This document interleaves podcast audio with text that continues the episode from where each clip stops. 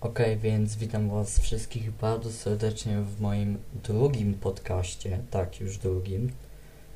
Znowu to będą newsy, ale y, poruszę w sensie newsy i nie tylko, ponieważ zamierzam przedstawić kilka informacji. Jedną z nich miałem powiedzieć wczoraj, ale zapomniałem, to tak przyznam się, że e, popełniłem błąd, ale poza tym mam taki, nie wiem jak to nazwać, prezent, niespodziankę, bonus.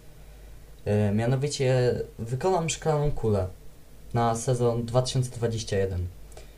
E, czyli jak to według mnie będzie wszystko wyglądało i tak dalej, i tak dalej.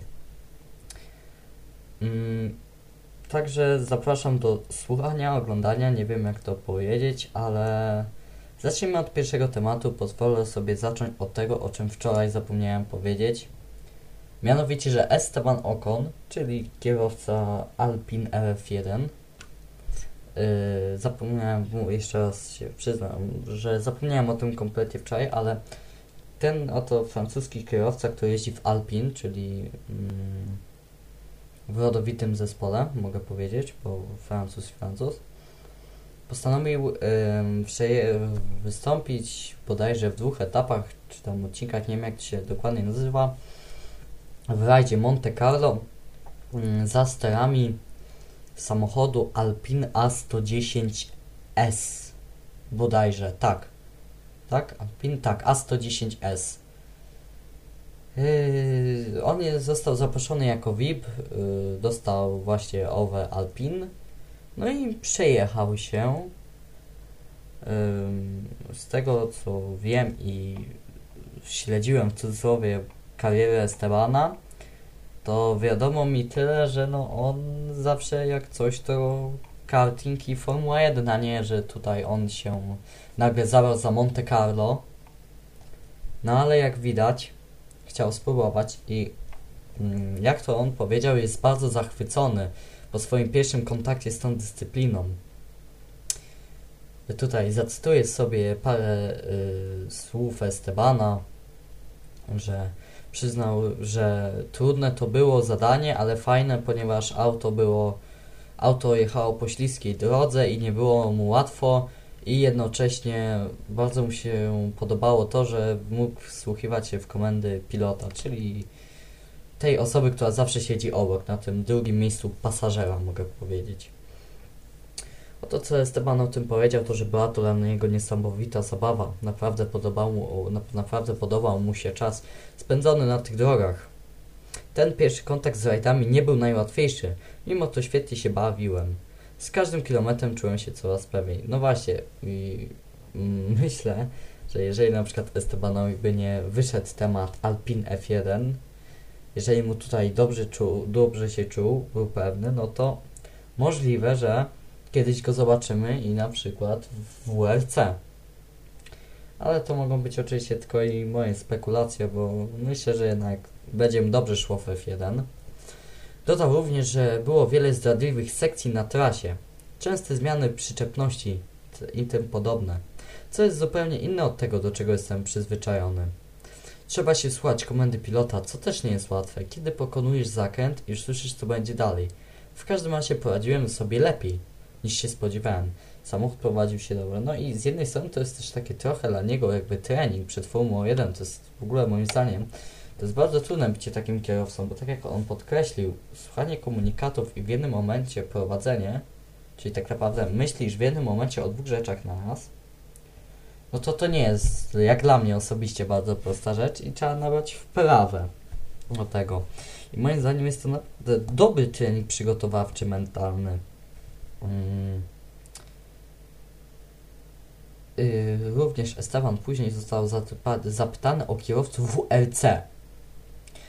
Przyznał, że darzy ich wielkim szacunkiem. Mówi, że to bohaterowie. Co mogę jeszcze więcej powiedzieć? Już wcześniej miałem okazję do oglądania onboardów, czyli to jest taka kamera wewnątrz bądź nad samochodem.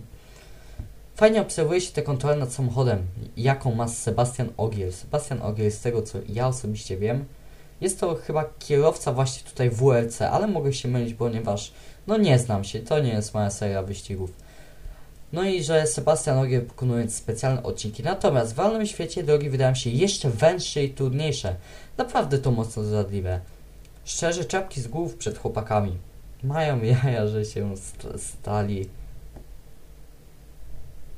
Mają że stali, przepraszam.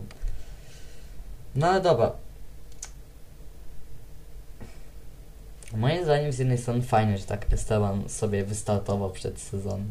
Chociaż z drugiej strony, jak mi się przypomina wypadek Roberta Kubicy z 2011 roku i to, że Renault dalej nie zmieniło podejścia w ten sposób, no to ja wiem, że teraz to było już 10 lat temu, teraz jest inaczej, auta są też już tam bezpieczniejsze i w ogóle to jest przygotowywane. No ale jednak z drugiej strony jest ryzyko. No, przykładem może być Grand Prix Shakiru, gdzie Roman Grosjean miał mm, katastrofalny wypadek i też nie było prawdopodobieństwa, że tam w tym momencie tam uderzy w tę bandę. No nikt tego nie przewidział, ale wszystko jest możliwe. Ale to oczywiście takie już tutaj moje, że tak powiem, uczepienie się.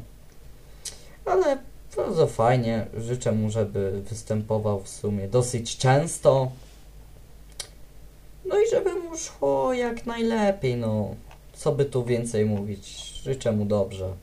Nie chcę w żaden sposób, nie wiem, podcinać skrzydeł i tak dalej. No właśnie, poruszyłem temat Roberta Kubicy. Dzisiaj Robert yy, przeszedł testy na torze Daytona. Jest to tor w Stanach Zjednoczonych. W jego bolidzie LMP2, gdzie zajął piąte miejsce. Szczerze nie wiem ilu tam było kierowców. Trudno mi jest powiedzieć, bo jakoś się w to do końca nie wtajemniczałem, że tak powiem, ale moim zdaniem jest to dobry wynik, naprawdę. Jak na testy. Z tego co widzę, to tu jest 4 kierowców po 12 zespołów. Czyli jeżeli w 12 zespołach 4 kierowców, sięgnę po kalkulator. 4 razy 12. Mamy 48 kierowców, ale myślę, że tutaj mogą coś źle zobaczyć.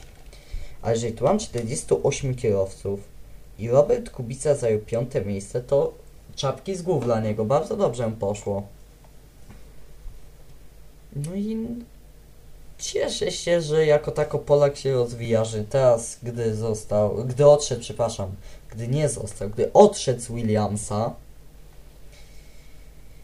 że no nie marnuje się, no nie marnuje się, po prostu robi coś. Nie, że siedzi w miejscu i nic nie robi. Moim następnym jakby tematem, kolejną rzeczą, którą chcę poruszyć jest to, yy, iż Akademia Ferrari, Akademia, czyli tam szkółka kierowców F2, F3, F4 itp. Ma swoich młodych kierowców, jakby Dominic Schumacher, teraz to jest bodajże Schwarzman, E, kto tam jeszcze jest? Chyba Ilot bodajże, ale mogę się mylić. No to, to, to są tacy kierowcy, Ferrari mają w razie czego, żeby wziąć kiedyś. No. I pierwszy raz jest to kobieta. 16-letnia Maja Weng. Bądź Weig, nie wiem jak to powiedzieć. Ale powiedzmy, że Weng. Jest to 16-letnia 16-latka, przepraszam, wybrana w programie FIA Girls on Track Rising Stars.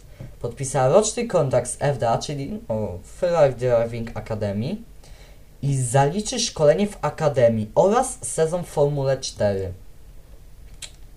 Moim zdaniem jest to bardzo obiecujące. Jeżeli Ferrari wzięło ją, no to naprawdę moim zdaniem ma ona potencjał. Była już próba w była kobieta w F2 w sezonie 2019. Była to Tatiana Calderon. Jest ona teraz kierowczynią, kierowcą rozwojowym w Alfa Romeo Racing Orlen, czyli tam, gdzie teraz jest na tym samym miejscu Robert Kubica. Co by tu jeszcze mógł powiedzieć? Życzę jej powodzenia jak najlepiej. Chciałbym ją zobaczyć jak najwyżej, jak najlepszej serii. I tyle. w sumie miałem, że tak powiem, w tym wątku do powiedzenia. Wczoraj poruszałem temat Ro- Royego Nissanego, iż on zostaje y, jako kierowca rozwojowy oraz testowy w Williamsie. Dostaliśmy informację, że właśnie owy pan, Roy Nissany, będzie występował w azjatyckiej Formule 3. Ym, on będzie jeździł w, zesp- w, w zespole Tatus Hightech Grand Prix, mając jako swojego teammate'a kolegę z zespołu Romana Stanka, Amaju Iwasę i Rece Uszmiję. Niestety nie znam żadnego z tamtych kierowców, ale będę mógł możliwe, że się wtajemniczyć niedługo, że tak powiem, w tamtą dziedzinę motorsportu. Jest to czwart będzie jest to czwarty sezon yy, od kiedy istnieje azjatycka Formuła 3. Mm, Generalnie ten sezon będzie trwał od 29 stycznia do 20 lute, lutego. Sezon ten będzie obejmował m.in. dwie rundy na Dubai Autodrome. Niestety nie znam tego toru. Oraz trzy na Yas Marina Circuit. Czyli jest to ta pętla, gdzie kończy się teraz od już jakiegoś czasu każdy sezon F1.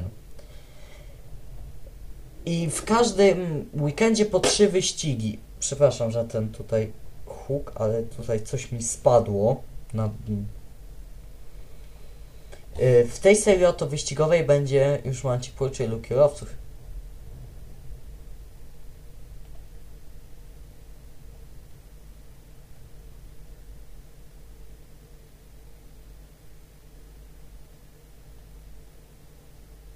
Będzie 24 kierowców i 7 zespołów, czyli w, każdym zespole może być z tego co tu wnioskuję więcej niż jeden kierowca, dwóch kierowców, przepraszam, bo patrzę, że najmniej jest dwóch w jednym zespole. Widzę tu Czechów, widzę tu Meksykanina, dwóch e, kierowców z Emiratów, Indyjczyków, Włocha. Także może to być ciekawe, naprawdę, może to ciekawe. Zobaczymy jak się Royce tutaj sprawdzi. Bo możliwe, że on jest ukrytym talentem Williamsa, na którego Williams może postawić. No i właśnie, tutaj już mamy, no, y, i ostatnio, ostatnio, Christian Horner stwierdził, iż Max Verstappen jest lepszy od Louisa Hamiltona.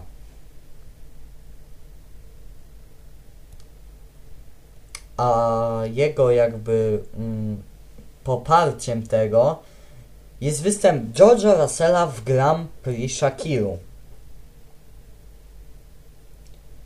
W padoku F1 ciągle się dzieją jakby z, z, nie wiem, zakłady, kłótnie, przepychanki o to, kto jest najlepszy. Czy to jest Verstappen, czy Hamilton?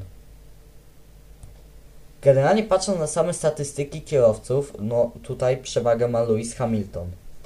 Chociaż z drugiej strony Max Verstappen jeździ piąty rok w Formule 1, a Lewis dużo dłużej. Ale również wydaje mi się, że e, gdyby nie samochód Lewisa, to on by nie był taki dobry, bo Mercedes naprawdę jest bardzo, bardzo, bardzo dobry. Już rozumiem skąd teza Christiana Hornera, że tak naprawdę bolid ma dla y, Lewisa znaczenie. Gdy George Russell w Grand Prix Shakiru w za małym kokpicie, w za małych butach, w za małym kombinezonie wsiadł w bolid Mercedesa i to coś działa, bo naprawdę sobie mimo tych problemów wszystkich dał z siebie chłopak czadu, dojechał i to był dowód, że ten bolid, że tak naprawdę wygrana Luisa zalicz, za, zależy tylko i wyłącznie od bolidu.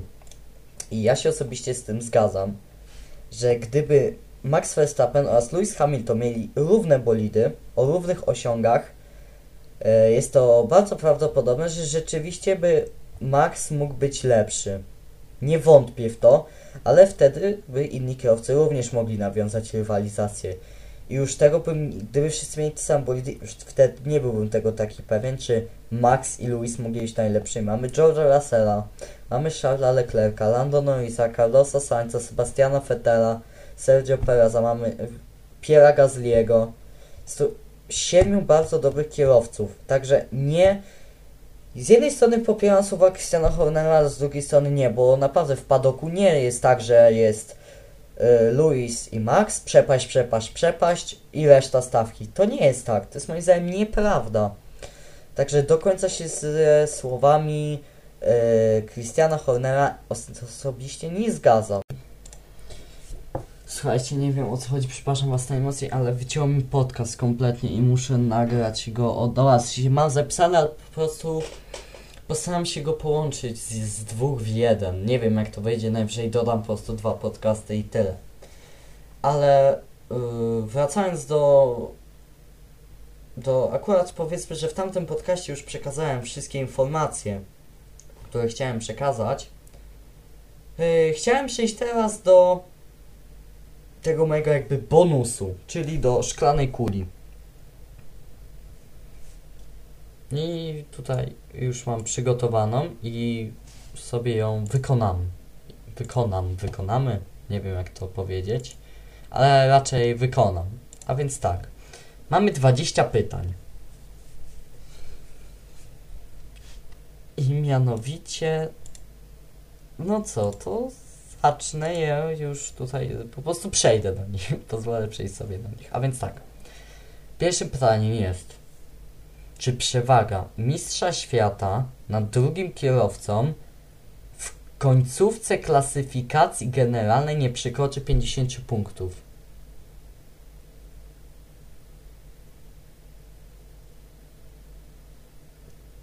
nie, moim, czyli przewaga mistrza świata nad drugim kierowcą w końcowej klasyfikacji nie przekroczy, czyli będzie mniej niż 50 punktów. Nie. Jeżeli Lewis Hamilton przedłuży kontakt, to na pewno działa więcej niż 50 punktów przewagi, zapewne nad Valtteri Bottasem bądź Maxem Verstappenem. Chyba, że ekipa z Milton Kings naprawdę się postara i o, zrobi fantastyczne auto. Co wątpię, ale ale Sergio Perezem na pokładzie i Maxem Verstappenem, czemu nie? Wszystko możliwe. Przechodząc do drugiego pytania. Kalendarz sezonie 2021 będzie liczył więcej niż 21 wyścigów. Na ten moment mamy w kalendarzu 22 wyścigi. Nie, przepraszam, 23. Bo za TWC wskoczyła Portugalia. Mamy na koniec, na przedostatnią rundę Grand Prix a, Boże, Arabii Saudyjskiej. Tak naprawdę nie wiadomo o tym nic. Dosłownie. Nie ma żadnej przedstawionej to nic, zero. Jedynie są fanarty. Dlatego myślę, że nie dojdzie do tego, że będzie tyle wyścigów z tego powodu, iż sam sobie pandemia robi swoje. Ale to, że któryś wyścig, no myślę, że się nie odbędzie, więc tutaj A, przepraszam, poczek poczekajcie. Kalendarz w sezonie 2021 będzie liczył nie więcej. Te pytania są takie podchwytliwe. No to tak. To będzie nie więcej. To będzie mniej niż 21. Tak, czyli zdaje tak. Dobra. Pytanie trzecie. Czy McLaren wygra wyścig w F1 w sezonie 2021? McLaren. Daniel Ricciardo, Lando Norris dwóch utalentowanych kierowców. Nowe silniki Mercedesa w tym sezonie przyszłym. Szczerze nie wiem, jak to może się potoczyć. Teraz przedstawki naprawdę jest gęsto. Także może być różnie. Ale w sumie wierzę w moc McLarena, więc powiem, że tak, jak najbardziej moim zdaniem sobie z tym poradzą i uda im się wygrać wyścig, tak? Wygrać wyścig, tak, wygrać wyścig. Kolejne pytanie. Czy Ferrari w końcowej klasyfikacji konstruktorów zajmie miejsce w czołowej w czołowej czwórce? Hmm. To jest ciekawe pytanie. Czy zajmie? Moim zdaniem osobiście nie. We, takie moje pierwsze trzy miejsca to będą, pierwsze cztery, pie, top 5, moje top 5 to będzie tak. Mercedes, e, Red Bull Racing, McLaren, Aston Martin oraz oraz no, no i to są czwarte miejsce, czyli moim zdaniem najwyżej gdzie może zajść Ferrari to będzie piąte miejsce. Choć mamy Alpin. No właśnie, nie wiadomo jak Alpin. O Alpin tak naprawdę no nic nie wiadomo, więc no moim zdaniem nie uda mi się zdobyć czwartego miejsca. Dobra. Y, Pytanie piąte. Sergio Perez. Co najmniej 5 razy pokona Maxa Verstappena w kwalifikacjach. Czy pokona go 5 razy? Wtedy Max by wygrał. Czy pokona go 5 razy? Co najmniej. Moim zdaniem to niewykonalne. Tak jak wierzę w Sergio, tak osobiście nie wierzę, że pokona w kwalifikacjach, bo wyścig to oczywiście co innego, ale że pokona w kwalifikacjach taką osobistość, jaką jest Max Verstappen, także niestety, ale moim zdaniem mu się nie uda tego dokonać. Przechodząc do kolejnego pytania. Pytanie szóste. Kierowcy fabrycznego zespołu Mercedesa Wygraj minią 67% wyścigów w 2021 roku. Hmm. Nie. Chociaż 67% to jest 70. Sprawi 70. Czyli by musieli. Chociaż z drugiej strony to jest bardzo możliwe. Muszę sobie jedną rzecz policzyć. Nie no, jest to bardzo możliwe, jeżeli bolid Mercedesa będzie naprawdę taki dobry, chyba że w tym roku no mieć w cudzysłowie przestój, to tak, moim jak najbardziej mi się to uda, choć konkurencja będzie duża i nie będzie łatwo, ale myślę, że mi się to uda.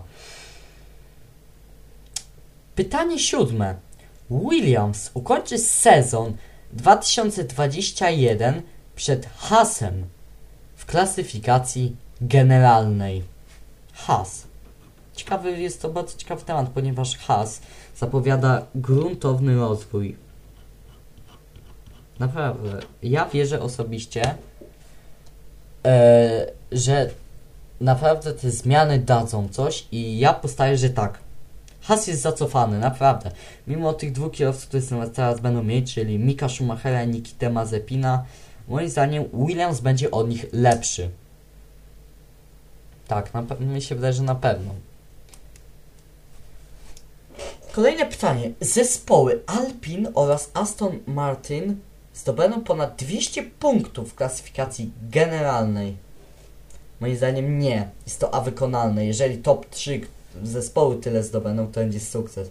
Ja te zespoły stałem na czwartym i piątym miejscu, więc moim zdaniem nie ma bata, że uda im się. Przechodząc do kolejnego pytania.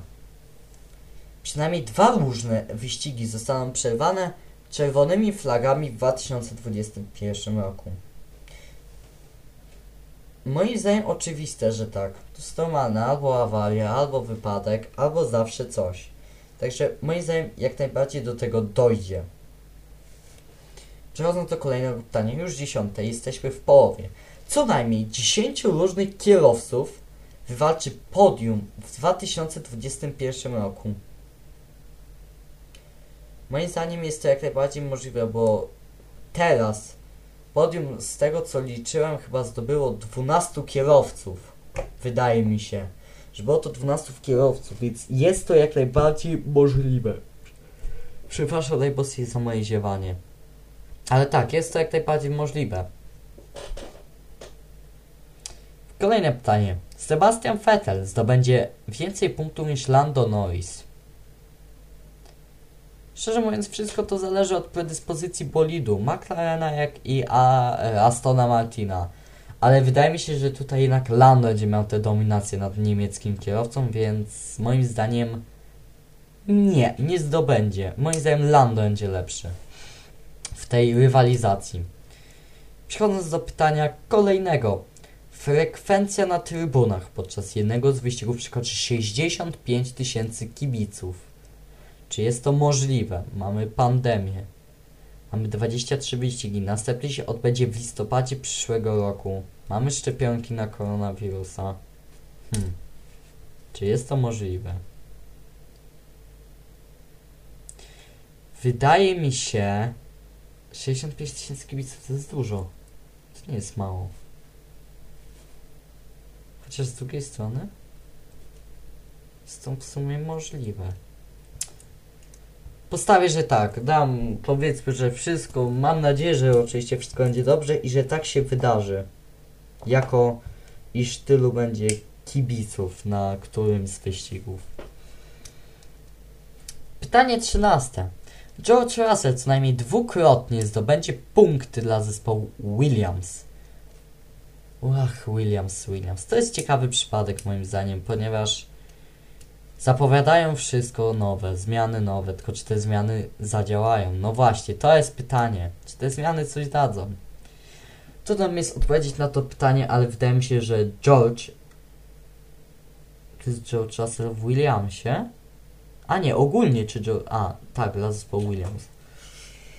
No niestety, wydaje mi się, że George zdobędzie raz punkty. To będzie maksimum na Williamsa raz, także powiem, że nie.